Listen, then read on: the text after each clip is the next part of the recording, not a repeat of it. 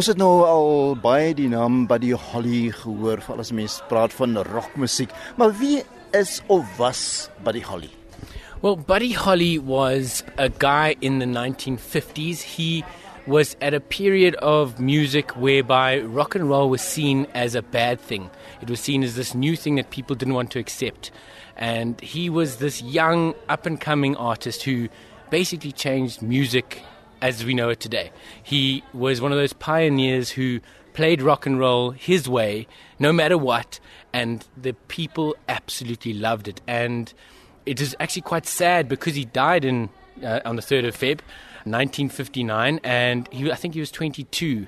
And the amount of potential that that man had to change music forever was lost at that moment in that tragic plane crash. So, yeah, we've actually, I think, as people, as musicians, as people who love rock and roll, have got a lot to thank for for, for Buddy Holly. He, he really influenced music that we listen to today, even. Gerard in julle vertoning waar julle die verhaal van Buddy Holly vertel, hy was 'n oorgangsfiguur want ons het ook nog musiek gehoor wat heeltemal anders was en toe kom hy met sy rockmusiek en dan tussenin het hy ook ballades nog gesing wat eintlik baie veelsidig is van hom. Ja, um, om aan te sluit by wat Keaton gesê het, hy was regtig 'n pionier in die manier wat hy nuwe musiek teweeggebring het, maar dan ook wat ons al in ons navorsing en ons gesien het as akteurs, is dat hy 'n geweldige invloed gehad het op singer-songwriters. So mense soos Brian May, Elton John, die Beatles, geweldig groot. So as jy dink aan die uitvloeisel van sy kreatiewe insette in die wêreld en wat hy basies teweeggebring het deur so hardkoppig te wees as jy nou wil om sy musiek sy manier te doen en almal het gegaan Ja, jy weet die rock and roll is bloot maar net 'n medium waar een van die media waardeur hy dit gedoen het, hy het country en western musiek gedoen, hy het ballades geskryf en as jy mooi gaan luister, sal jy 'n stukkie van Buddy Holly in omtrent al die musiek tussen 1960 en omtrent 2000 hoor en nog verder. Ek het in sy verhaal is baie tragies. Uh, eerstens was daar die groep met wie hy opgetree het en wat vir hom eintlik baie gehelp het en toe se loop die ouend uitmekaar uit en dan natuurlik sy eie ongeluk waarna en 'n vliegtuigongeluk ook dood is. Dit is alles baie tragies. Yeah, so in in the plot we have two real down moments in the second act, and the the first one, yes, is with the breakup of him and the Crickets, which was his original band. This, I think, also gave Buddy a little bit more freedom to do whatever he wanted his way, which is great, and then it pushed him into the next phase of his life he was forced to go on this, this big tour with the Bopper and Richie Valens. And they were under such time pressure that they had to fly this little airplane in a blizzard to get to their next venue in time. And if it wasn't for that money pressure and that time pressure, we might have heard more music from Buddy Holly, the Big Bopper, and Richie Valens. So, yeah, it's unfortunate that that happened, but it's it's history and that's gave us part of the story that we get to tell audiences every day. En dit is tragies jy sê hy kon nog baie meer gedoen het. Hy was maar 22 jaar oud toe hy gesterf het. Maar kom ons eh, kyk na die meer aangename. Daar was wonderlike musiek wat hy geskryf het. Jy het die heel wat van sy treffers vanaand uitgevoer. Dit was baie baie aangenaam. Ja, sy weer eens sy musiek is so ongelooflik uiteenlopend en ek dink een ding wat ons van Buddy Holly leer is uh, mens moet vir die huidige oomblik lewe. Jy moet lewe vir vandag want jy weet nie wat môre vir jou gaan bring nie. En in daai tyd het hy vir ons sulke treffers soos Rave On en True Love Ways wat een van my gunsteling hartsgunstelinge is en dan Everyday ons het 'n deel van uh, Chuck Berry se musiekwêreld ingebring aan die einde uh, in Johnny B Good net om te wys dat daar 'n fundamentele skakeling is tussen wat wat besig was om te gebeur in die wêreld van rock and roll en kunstenaars van kleur en hoe dit wit kunstenaars geïnspireer het om uit hulle konservatiewe milieu los te breek en hulle self uit te druk en ek dink Buddy was die hoogtepunt van daai uitdrukking is hy het regtig waar gesing en gesê wat in sy hart was en dit is hoekom die musiek met almal kommunikeer want jy hoor presies wat hy bedoel wanneer die musiek uitkom. Kitten daar's twee verwysings na Buddy Holly. Die ene is uh gaan oor die bril wat hy gedra het op die verhoog en dan ook natuurlik toe hy gesterf het het hulle gesê the day he died music died.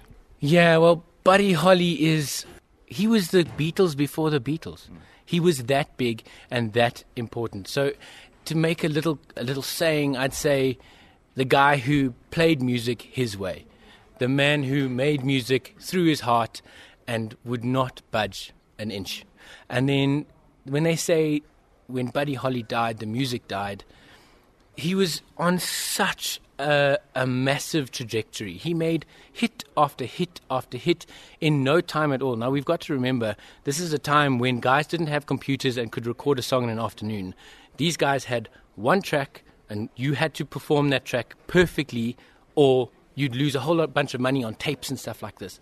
And so he was that good that he could write new material that worked with, with the audiences and worked in his way, and him and his bands played it perfectly every time. They did new things that, like reverb, never existed, that they did for the first time. Double tracking, where you sing over your own voice, had never been done before, never been even thought of. So he was making these, these huge steps, and then all of a sudden he died. So it's amazing to think of what could have happened, but the music died when he died. Gerard, jy's nou heeltemal of julle beide is in 'n totale ander era as Buddy Holly. Ek bedoel, baie mense ken die Beatles, hulle ken Elvis. So, moes julle baie navorsing doen? Absoluut. Kyk, ek is 'n geweldige nerd. Ek hou baie van geskiedkundige uh, navorsing en so, maar dit is as 'n akteur is 'n deel van jou dissipline om te gaan leer in die era waar jy waar jy in gaan speel sodat jy jy dit met akkuraatheid kan weerspieël. Maar dan ook ons het ons al altyd onsself herinner dat die 50s was 'n verskriklike konservatiewe tyd in Amerika, soveel meer as wat ons vandag toe kan indink en bloot net die idee dat dat hierdie musiek vir mense wil maak dans en 'n hartklop opkry was was iets vulgêr amper. So ja, dit is dit vat geweldig baie navorsing as kyk na 'n periode wat plus minus 70 jaar gelede gebeur het. Maar dit is vir my geweldig lekker. Ek uh, hou baie van hierdie hierdie periode waarin ons speel. En een ding wat ek uh, eintlik gehoor het wat iemand gesê het, is die rede hoekom daar so groot idee is agter the day Buddy Holly died, the day the music died, is dit dat die eerste keer het Amerika hulle onskuld verloor. Ewe skielik was daar 'n jong persoon wat oorlede is en 'n jong persoon wat hulle taal gepraat het en wat wat regtig op sy eie manier geveg het vir die bevryding van die Amerikaanse jeug uit die verskriklike die eysterhand van konservatiewe militarisme basically.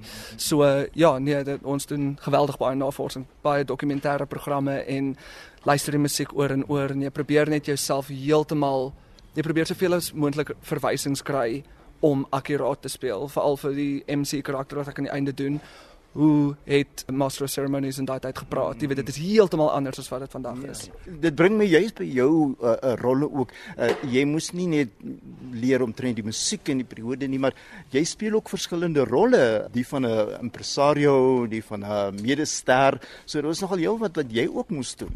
Yes, I think for me, it is capturing the essence of because I'm playing the big bopper, JP Richardson, and it's capturing the essence of that man. Now, with all of the research that Gerard was talking about, we have to combine that, but also bring the show into 2023 time because we got people in 2023 watching it. So we have had to upgrade the show that was originally wrote, written a long time ago into today. And for me, it was finding the the essence of the Big Bopper, how naughty the guy was, his his voice, the way he moved, his ridiculous outfits, his his his telephone that he brought out mm. onto stage, and how cheeky he was with ladies and and the audiences, and we have to take that man's essence and Buddy Holly's essence with with Jethro Tate.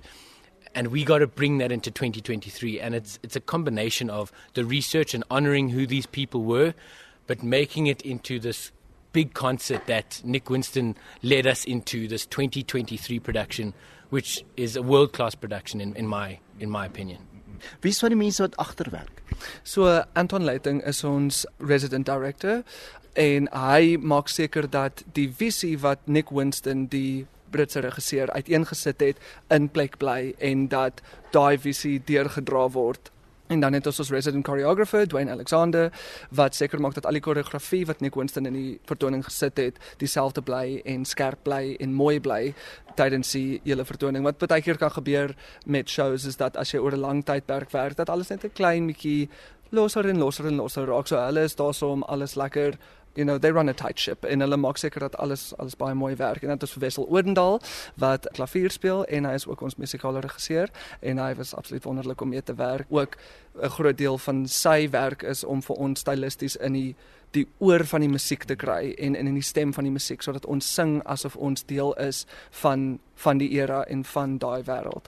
En dan het ons ons uh, company manager Jaco Griesel wat seker maak dat die company dat ons almal gel en dat alles glad verloop tydens ons toer hierso en ons tyd in Kaapstad. So ja, dit is dis regtig 'n groot span spanpoging wat wat alles bymekaar bring en dit maak dit net soveel lekkerder van die span is ongelooflik om mee te werk. Gaan van Ryan en Keaton Ditchfield by dankie vir die saamgestels en ek uh, kan vir julle sê dit was 'n wonderlike produksie. Ek het dit gehoor dopgehou. Hulle het saam gesing, hulle het saam gewieg en baie hard hande geklap. Baie dankie vir julle harde werk en uh, ek dink dit is 'n absolute fantastiese produksie. Thank you so much. Get your tickets at Web Tickets. We will see you soon. Tickets are selling really quickly, so don't miss out. Bye bye, dankie Terrence. And rave on, kom kyk die show.